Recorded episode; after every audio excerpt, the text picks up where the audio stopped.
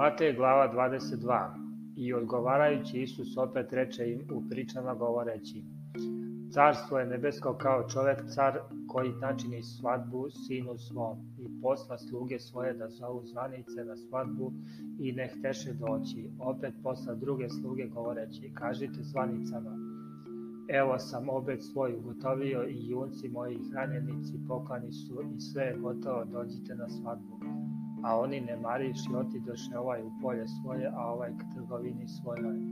A ostali uhvatiše sluge njegove, izružiše ih i pobiše ih.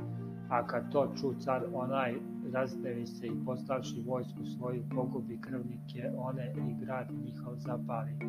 Tada reče slugama svojim, svadba je dakle gotova, a zvanice ne biše dostojne. Idite dakle na raskršće i koga god nađete dozovite na svadbu izišavši sluge one na raskršća sabraše sve koje nađoše zle i dobre i stolovi napuniše se gostiju. Izašavši pak car da vidi goste ugleda onda čoveka neobučenog u svadbeno ruho.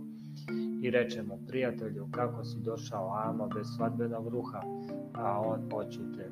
Tada reče car slugama, svežite mu ruke i noge, pa ga uzmite te bacite u tamu, najka, kraj onda će biti plač i škrgut zuba, jer su mnogi zvani, ali je malo izbranih.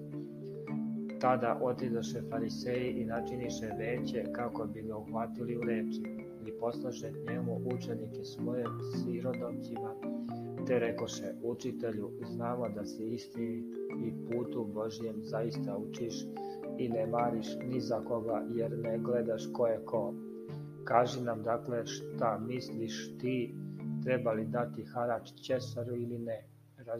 i Isus lukavstvo njihovo reče, što me kušete licemeri, pokažite mi novac harački, a oni donesoše mu novac. I reče im, čiji je obraz ovaj natpis? I rekoše mu Ćesarov, Тада рече им: Одајте дакле ћесарево ћесару, а Божје Богу. И чувши, дивиши се и оставивши га, отидоше.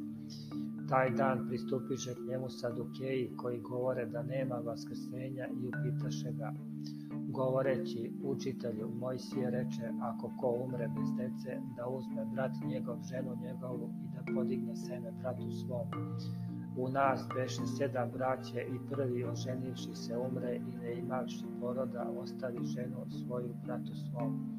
A tako i drugi i treći sve do sedmog, a posle svih umre i žena po vaskrsenju, dakle koga će od sedmorice biti žena, jer je za svima bila. A Isus odgovarajući reče im, varate se ne znajući pisma ni sile Božije jer o vaskrsenju niti će se ženiti ni udavati, nego su kao anđeli Boži na nebu. A za vaskrsenje mrtvih niste li čitali šta vam je rekao Bog govoreći? Ja sam Bog Avramov, ni Bog Isakov, ni Bog Jakovljev, nije Bog Bog mrtvih, nego živih. I čuvši narod divljaše se nauci njegovoj, a fariseji čuvši da posrami se dok je, sabraše se zajedno i upita jedan od njih zakonik, kušajući ga i govoreći, učitelju, koja je zapovest najveća u zakonu? A Isus reče mu, ljubi gospoda Boga svog, svim srcem svojim i svom dušom svojom i svom misli svojom. Ovo je prva i najveća zapovest, a druga je kao i ova, ljubi bližnje svog kao samog sebe po ovima dvema zapovestima visi sav zakon i proroci, a kad se sabraše fariseji, upita ih Isus, govoreći šta mislite za Hrista, čiji je sin, rekoše mu Davido, reče im, kako dakle David njega duhom naziva gospodom govoreći, reče gospod, gospodu mom, sedi meni s desne strane, dok položim neprijatelje tvoje, podnožje nogama tvojim Kad dakle David naziva njega gospodom kako mu je sin i nikomu ne mogaše odgovoriti reči niti smede ko od tog dana da ga zapita više.